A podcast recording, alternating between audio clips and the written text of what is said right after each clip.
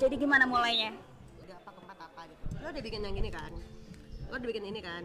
Nah tadinya lo sendiri mau bikin konsep konsep konsep apa? Konsep podcastnya mau gimana gitu? Overall si isi isi isi podcast itu tentang apa nih ber, berisi tentang apanya itu udah udah dibikin kerangkanya udah kebayang lah maksudnya nggak usah dibikin banget tapi kayak udah kebayang gue maunya ngebahas tentang ini doang. Audience gue targetnya ini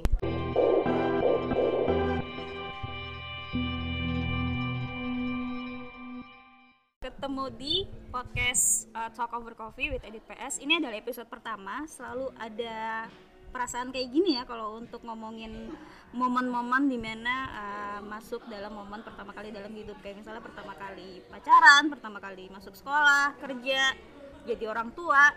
Dan ini adalah momen pertama kalinya gue untuk bikin podcast dan diajarin sama narasumber gue sebenarnya.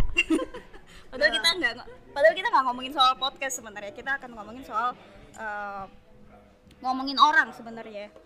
Ngomongin orang HRD bersama orang HRD-nya langsung. Ada Teh Erin di sini. Teh Erin Hai apa kabar? Terima kasih sudah menyediakan waktunya di Jumat malam yang macet ini. akhirnya ketemu lagi setelah sekian Iya. tahun ya nggak ketemu. Terakhir tahun berapa? Pusing juga tuh ngitungnya. Udah enak ketahuan usianya ya. Iya jangan udah. Tapi kalau ngomongin soal pengalaman track record karir udah pasti beliau jauh di atas saya lah berapa lah oke Terin boleh eh, kenalin diri dulu ke pendengar silakan. Sure, so hi everyone, nama gue Erin. Kalau mau cari LinkedIn gue lebih detail bisa cari Erin Dwi Rejeki, Rejeki pakai J, Jakarta. Uh, Instagram Erin Dwi, Twitter Erin underscore DR. Silakan, boleh cek aja. silakan kirim CV juga mungkin bisa Wah, boleh banget. Since I am a recruiter, boleh kok mau kirim CV silakan.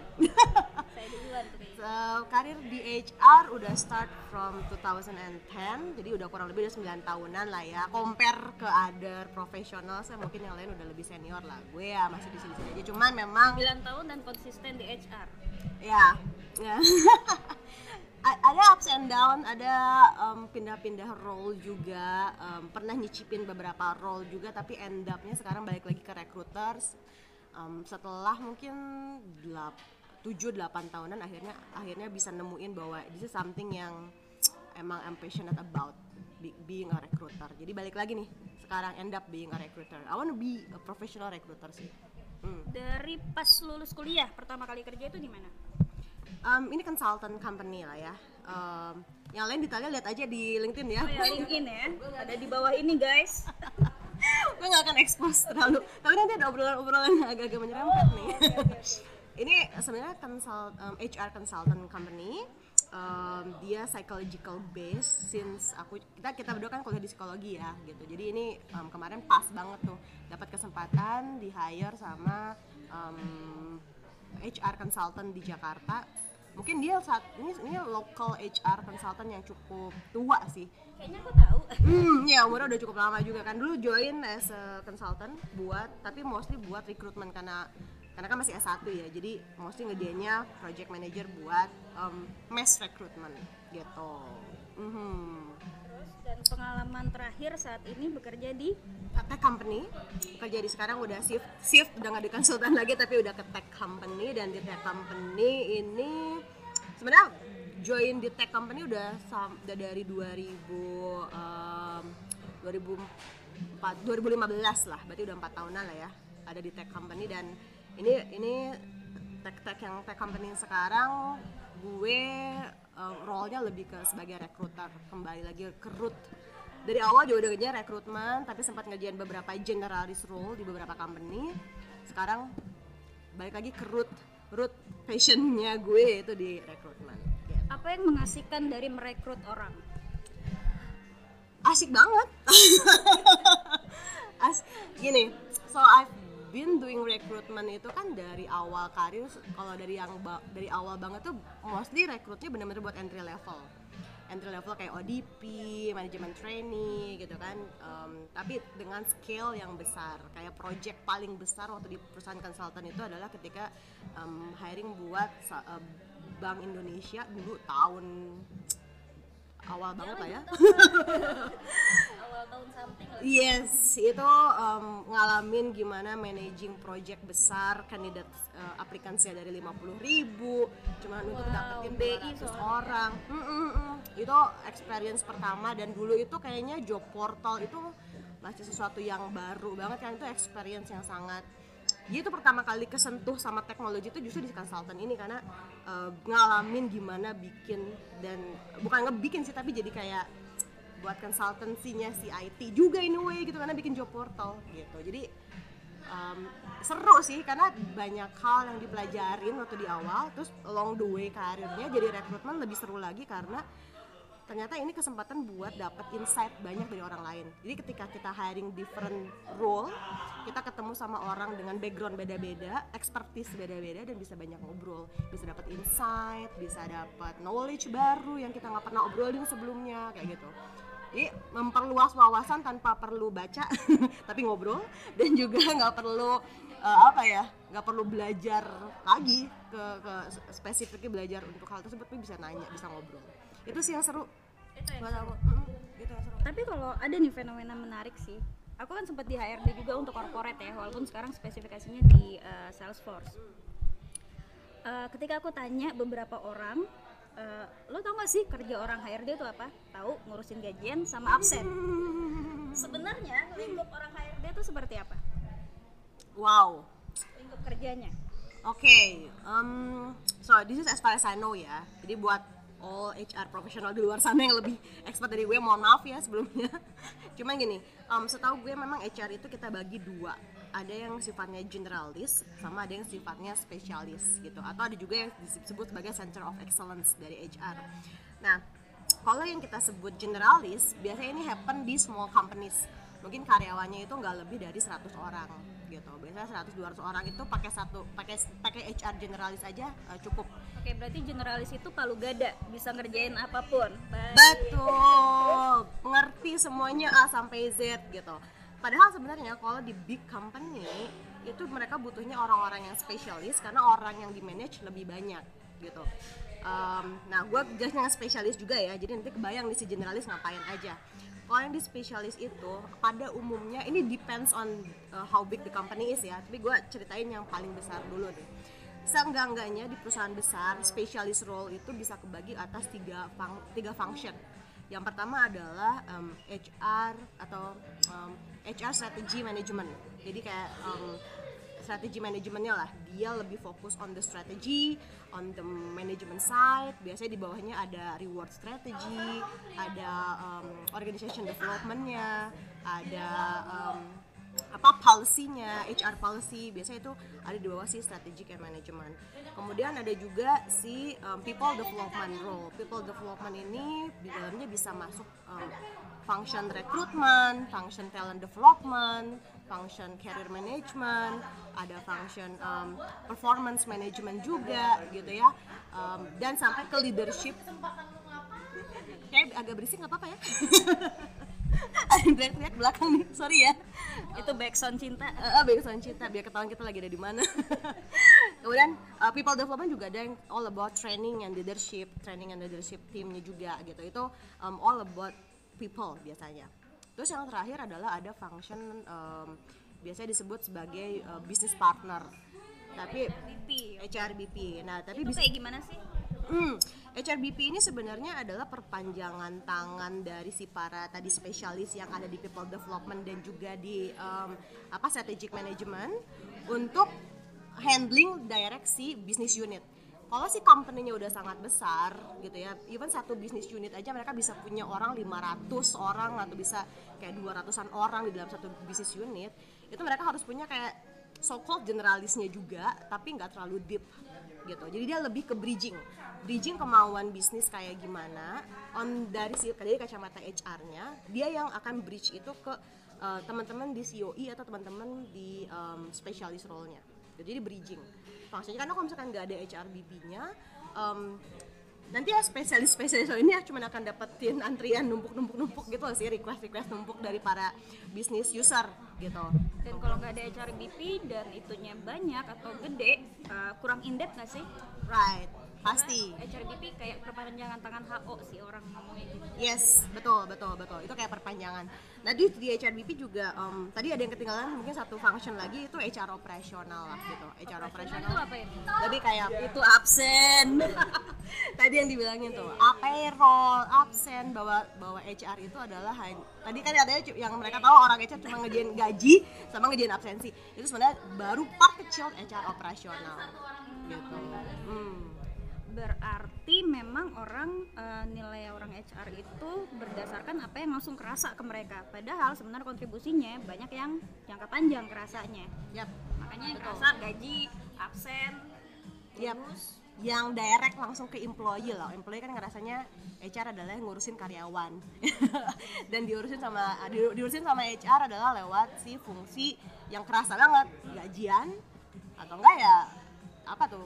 Eh, absensi gue datang apa enggak dimarahin sama HR apa enggak gitu. potong gaji gitu ya. Oke oke oke. Itu yang karena kerasa banget sama employee. Tapi on the management level jauh lebih kompleks dari itu. Bigger bigger that bigger Oke. than just an operational gitu. nah makanya tadi kalau buat yang generalis itu combining tuh semua. Jadi fungsi strategic manajemennya ada di dia fungsi rekrutmennya ada di dia people leader apa trainingnya ada di dia juga. Termasuk sampai ke si operasionalnya. Kebayangkan heavy-nya tapi keluar dari situ dia langsung laku sih dan abis ya itu sebenarnya modal bagus generalis itu modal yang sangat bagus kalau dirimu atau HR pengen kalau kamu pengen naik step up sampai di level HR director gitu kan karena as an HR director atau chief of HR ya you need to understand the whole spectrum eh tadi saya tadi kelupaan ada satu lagi industrial and employee relation Oh, ya, IR. hmm. IR IR Hmm. Hmm. Em, tahun 2014 kemarin gue sempat ikut eh, certified HR profesional di Atma Eh, dan mereka membagi peran HR itu menjadi lebih simpel di tiga bagian doang. Eh, mereka membagi berdasarkan silabus sih, bukan peran korporatnya gitu kan. Kayak yang pertama HRD, Industrial Relationship sama Komben. Cuman kalau yang tadi Teherin jelasin itu adalah pembagian atau pecahan dari sisi korporasi. Yes. Gitu. Tapi kalau mau lebih simpelnya sebenarnya HR itu ngerjain atau bidang kerjanya human resource development, industrial relationship sama compensation and benefit. Cuman perannya di corporate tergantung dari eh, skala nasionalnya, eh, skala perusahaannya juga gitu. Se sebesar apa dan harus se sekompleks apa gitu Oke. Hmm. gitu sih kedengeran kan guys? habis berisik Oke. Ini juga fenomena yang gue dapetin sebelumnya ketika uh, punya teman. Uh, sebenarnya sih uh, isunya bukan pertama kali dan satu orang yang bilang, tapi ada beberapa orang yang bilang. Uh, dia bilang gini ke gue, dia bilang, uh, "Dit, dari 2 sampai tiga orang, eh dari 2 sampai tiga company yang gue masukin, gue jarang menemukan orang HR yang uh, korporatif. Itu yang pertama. Beberapa orang lainnya teman-teman eh, di beberapa perusahaan lainnya bilang orang HR cenderung kayak polisi kantor ya. Oke. Em, dan beberapa teman-teman melihat orang HR sebagai em, susah get along gitu. Karena mungkin merasa orang HR punya eh, privilege untuk mendapatkan data-data rahasia karyawan sehingga nggak boleh terlalu akrab dan lain sebagainya gitu. Nah, pada saat ngobrol-ngobrol, eh, dia nanya, kenapa ya orang HR itu selalu menyulitkan dengan stigma negatif seperti itu? eh, gimana nih ya I get that a lot ya sebenarnya. Maksudnya bukan ke gue nya maksudnya em, justru ketika ketika ada business user atau ada em, even ketika gue interview di satu tempat lah gitu. Um, most of the time mereka tuh amazed sama the way I am. Katanya lu tuh kok nggak kayak orang HR sih? Sama, sama asli. Waktu waktu sama teman-teman nongkrong gitu, gue kalau nongkrong sama lu ya detail lu bukan orang HR banget. Oke, gue nggak nggak yakin itu pujian atau sindiran ya sebenarnya karena gue nggak tahu di mata mereka orang HR tuh harus kayak gimana gitu. Ya, ya, ya. nggak tapi I get the I, I get the ininya sih the, the the reason behind it kenapa orang HR akhirnya seperti itu ya most of the time itu orang-orang lihatnya HR kayak gitu karena ketika gue pegang generalis nih ya dia jujur jujurnya nih ketika, um, imagine kalau nanti di tempat yang besar lebih besar lagi cuman ketika gue pegang generalis itu emang the pressure is on you. Gitu. Kayak the the the pressure itu the pressure from both side. Karena ketika lo jadi HR lo tuh harus ada di kaki yang sangat netral. Tengah-tengah. Employee. Exactly. Gitu. Aku adalah employee gitu. Betul. Itu kerasa banget sama gue ketika gue di di, di generalis ya. Kerasa banget gitu. Dan ketika the pressure is on you dan um, you are not that mature enough iya to be that kind of person yang ada di tengah-tengah gitu. Sometimes yang keluarnya adalah jadi galak yang keluarnya adalah ke employee jadi galak gitu ya. Ke jadi susah didekati. Bisa dekati terus juga bisa jadi kayak um, bawaannya yang moody gitu. Bawaannya karena ya apalagi kalau kalian ada di company yang kecil gitu ya you need to understand that HR role is really tough gitu. Karena gak semua orang itu emang born to be an HR gitu. Itu is a very tough job. Um, where you can I think the best person to be HR itu cowok sih sebenarnya. Oh ya kenapa kenapa? Kenapa harus uh, apa idealnya cowok?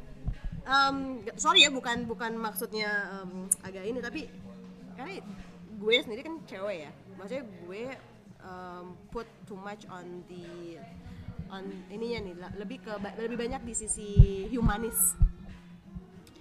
Jadi kalau gue sebenarnya lebih peduli sama orang ketimbang sama organisasi. Jadi nggak bisa tuh ada di tengah-tengah.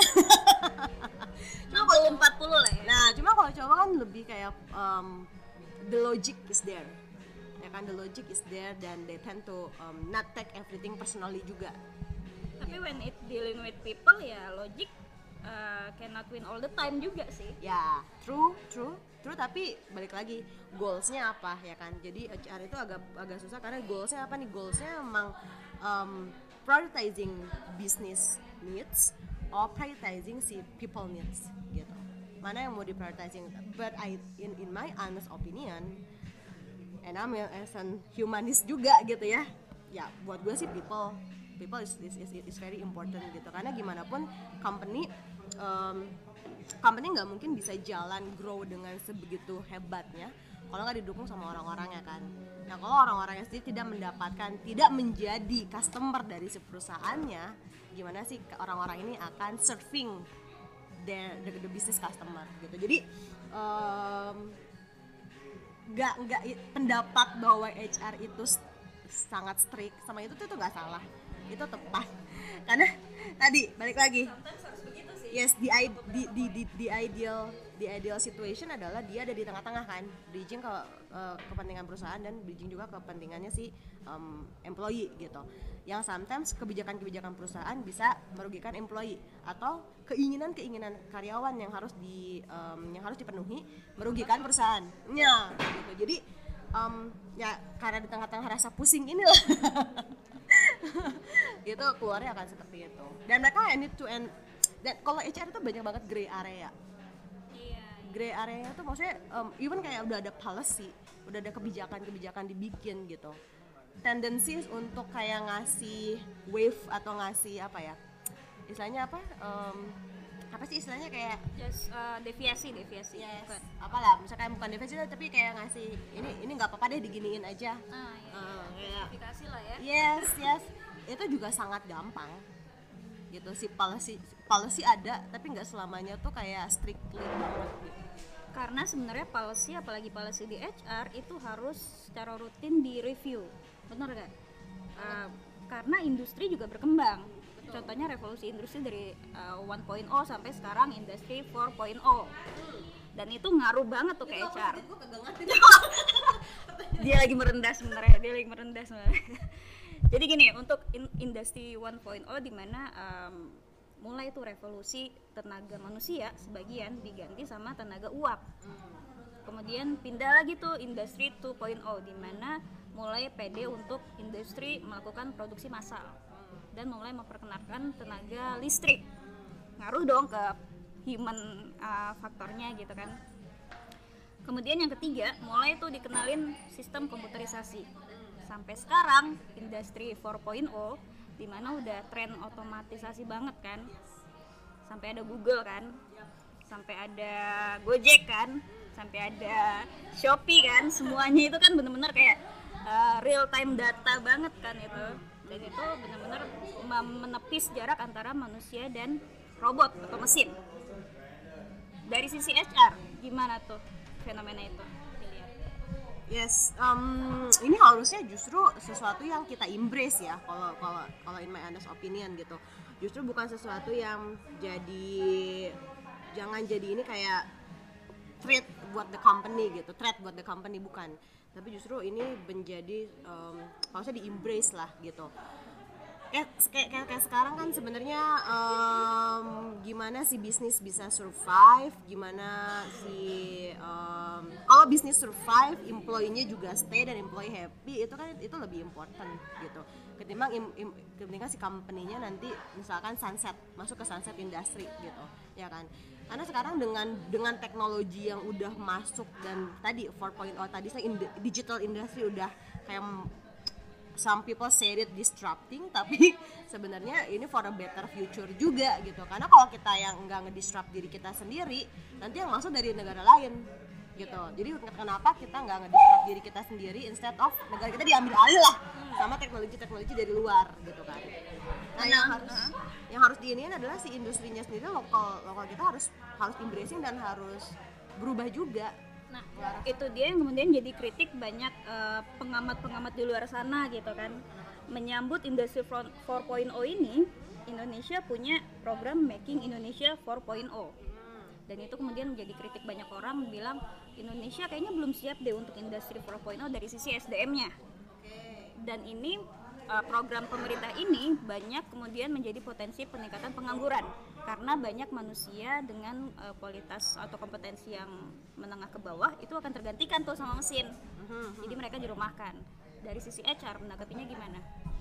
Justru ini tugas bareng-bareng nih. Harusnya pemerintah dan private sector itu bareng-bareng. Nggak bisa cuma pemerintah doang programnya. Private sector atau si industrinya sendiri harusnya tuh ikutan juga nih sama si pemerintah untuk membekali membekali orang-orang yang tidak punya skill yang saat ini dibutuhkan oleh industri-industri tertentu untuk menambah skillnya gitu.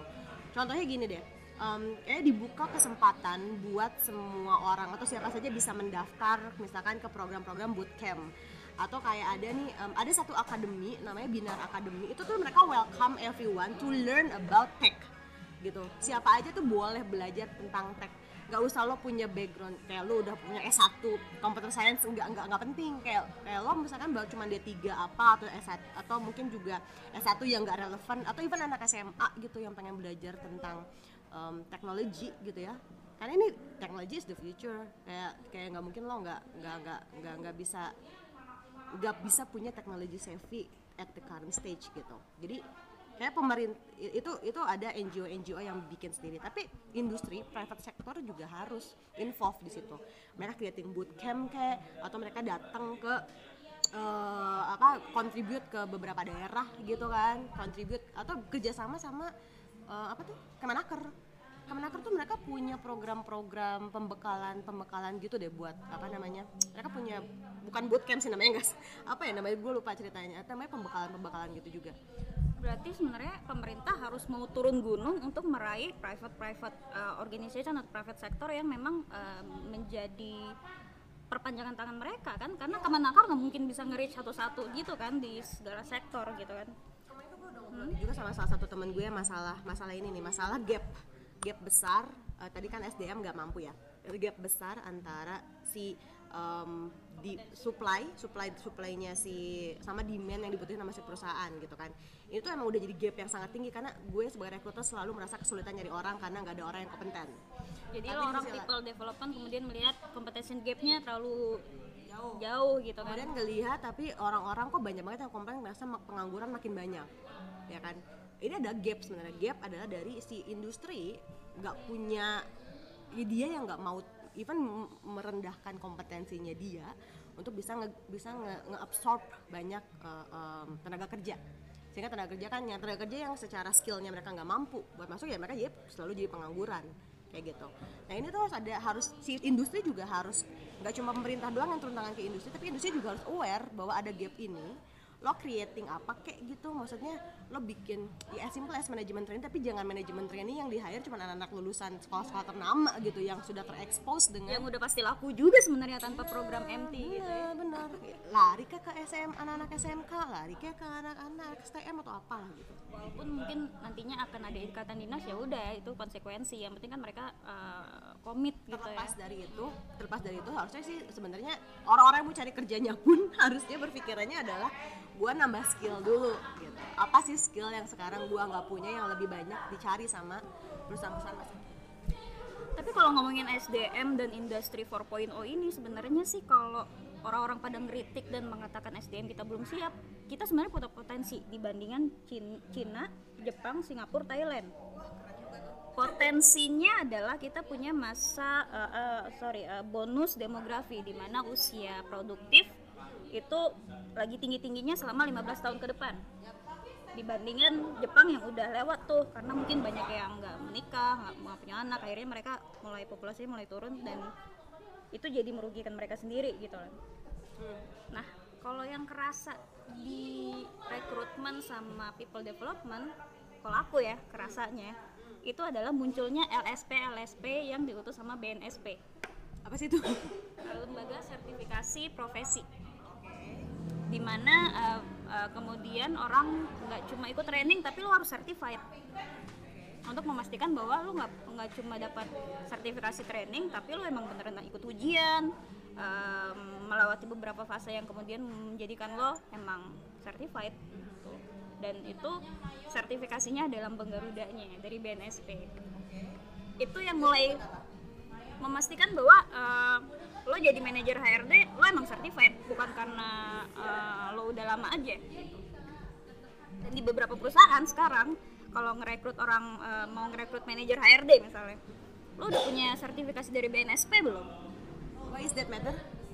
Karena kalau lo dapat sertifikat dari BNSP udah pasti secara kompetensi mastering.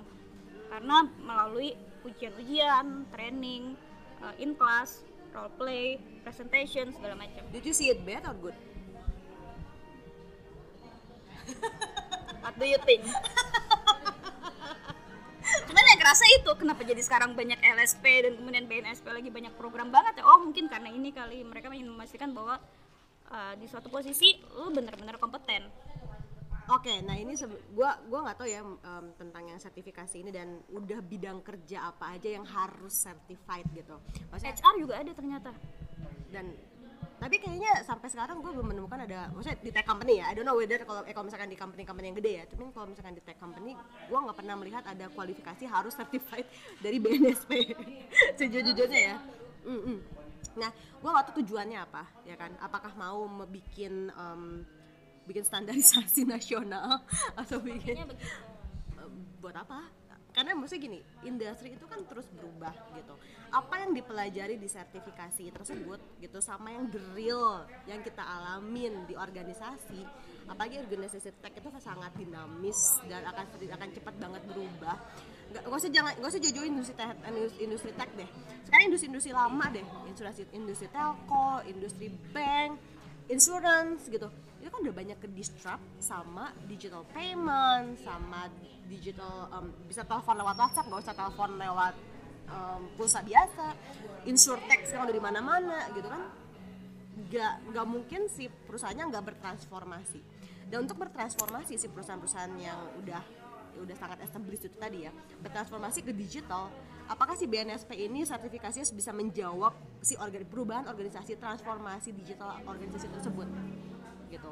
Khawatirnya kalau ini masih baru atau misalkan masih baru dan mengimplement sertifikasinya mengimplement teori-teori lama is it can be implemented di organisasi yang lagi bertransform atau di organisasi tech yang akan berubah dengan sangat cepat? Gitu. Gue nggak melihat bahwa jadi, jadi dengan adanya certification gue melihat itu menjadi ini ya kayak apa ya istilahnya ya? Kayak terlalu jadi ya tadi bikin standar kan. Padahal hidup itu nggak standar. Standarnya beda-beda. Standar nasional oke ini standar Indonesia. Sampai kapan kita mau standar nasional bahwa sebenarnya kita compete internationally gitu? Compete-nya global. Harusnya kita pakai standar global gitu misalkan ya just just my opinion. Ini sebenarnya gue baru dengar pertama kali jadi agak bingung juga jauh cuman kalau secara common sense yang gue tangkep apa gunanya gitu? Maksudnya kalau untuk gunanya adalah ini orang biar punya kompetensi dan yakin bahwa dia capable ngerti banget sama dunia HR dengan dia bekerja di perusahaan dan da- dunia HR pun sebenarnya itu sama aja sih belajar juga. Eventually dia akan ke ke expose lah ke area-area tersebut. Gitu. sih tapi gue agak bingung. Eh, si BNSP ini mm, sudah kalau di kita kalau di perusahaan itu ada namanya direktori kompetensi kan? Nah si BNSP ini BNSP itu Badan Nasional Sertifikasi Profesi. Itu dia ada standar kompetensi nasional atau SKN yang kemudian nanti diturunkan ya kayak kita nyusun KPI KRA dan sebagainya itulah ya nah itu. Mungkin mungkin kalau buat buat certain function gue setuju sih. Contoh misalkan legal.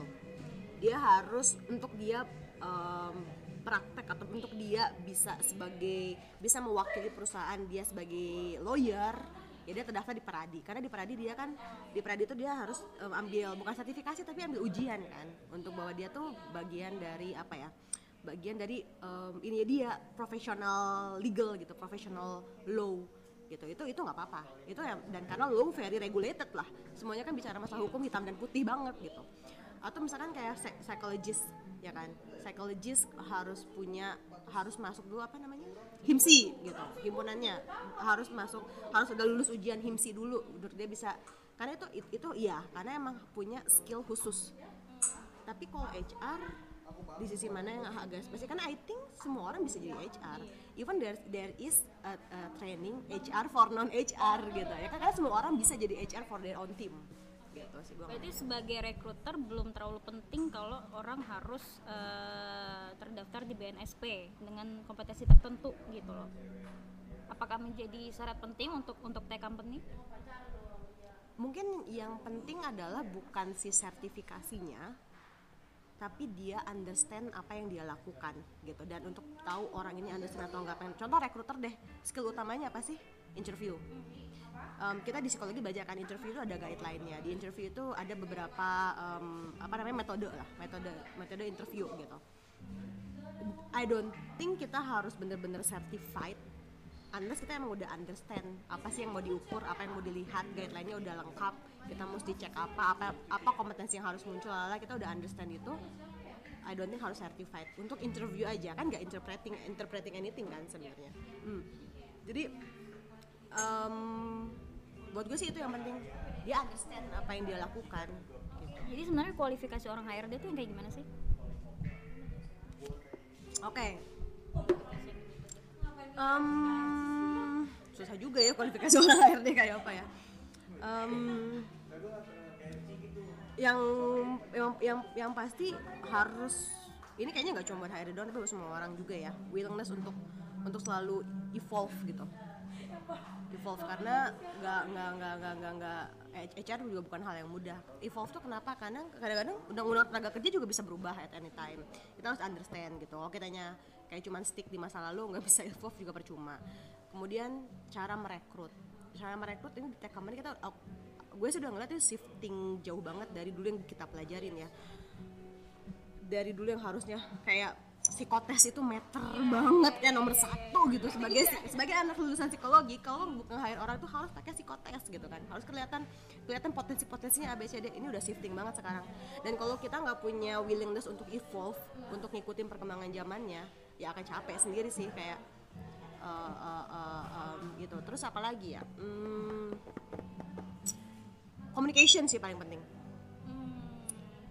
Communication dan knows how communicationnya tuh tapi in in a, in a very wise bukan in very wise way ya tapi lebih ke ya bijak.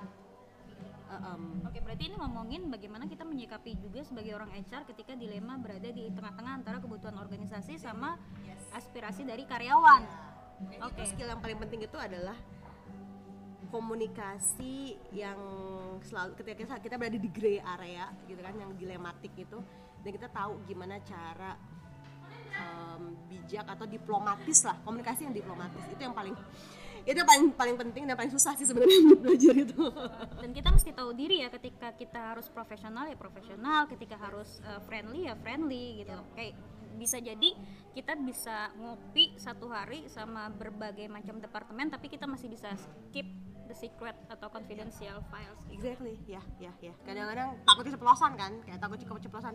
Ini gue ngomong kayak gini tuh hurting someone feeling nggak gitu kan? Hurt, um, ini tuh kayak sebenarnya oke nggak nih menginformasikan hal ini gitu.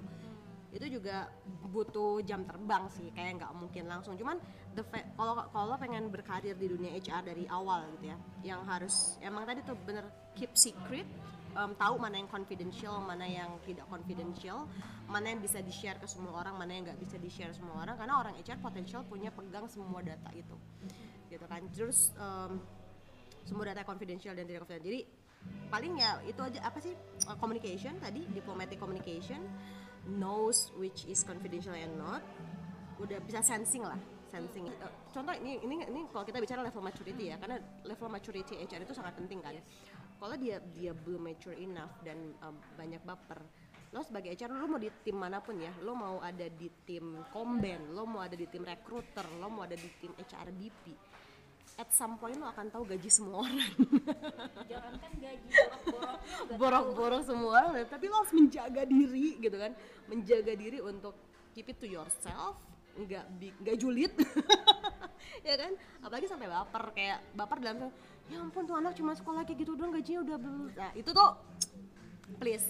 Syarat utama menjadi HR adalah nggak boleh baper julid dan lain sebagainya. Udah itu doang sih sisanya sisanya sih ya skill you, you, you can always um, ngembangin skill lo di bidang-bidang lebih spesifik lagi sih. Intinya sebenarnya maturity ya harus mature jadi orang HR itu. Dan bukan berarti harus kaku bukan berarti harus di ruangan aja bukan berarti harus kayak polisi kantor bisa ngopi sama semua orang ketawa ketiwi asalkan tahu ketika harus profesional jangan sampai keceplosan pas lagi ketawa-ketawa "Eh, iya loh nanti bulan depan dia mau dimutasi gitu kan Yes. Kita nggak pernah tahu someone's news itu mungkin bisa hurt another people juga gitu. Hati-hati sih. Ya, gitu. Berat men. Yang lu pikir gampang jadi Oke, jadi em, intinya sebenarnya eh, semua peran di kantor di corporate itu ada dilema-dilemanya sendiri ya. Dan sebenarnya eh, stigma orang HR itu nggak jauh-jauh dari eh, human relation. Eh, nggak mungkin orang HR bisa eh, cuma diam diri di kubikelnya, terus berharap eh, akan didatangi employee. Nggak mungkin bisa kayak gitu. sebenarnya HR tuh banyak banget dan luas banget. Jadi bukan cuma sekedar tadi yang dibilangin ngurusin absen dan juga ngurusin gaji orang doang gitu. Sampai ke level di big company sampai ada kalau misalkan lo seneng data tapi juga seneng orang, ada kok HR analitik.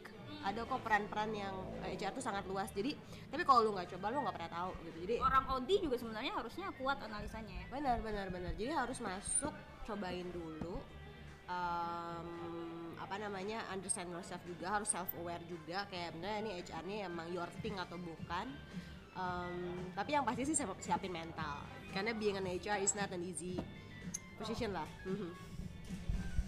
Thank you Terin udah nyediain waktunya untuk ngomongin orang HRD. Jadi kalau teman-teman masih pengen ngerasa eh, apa ya, pengen cari tahu tentang HR seperti apa, boleh eh, reaching langsung ke Terin, boleh nggak? boleh dong boleh banget boleh Yes. Oke, terima kasih. Semoga bermanfaat buat kalian semua dan sampai ketemu di episode selanjutnya. Bye bye. bye thank you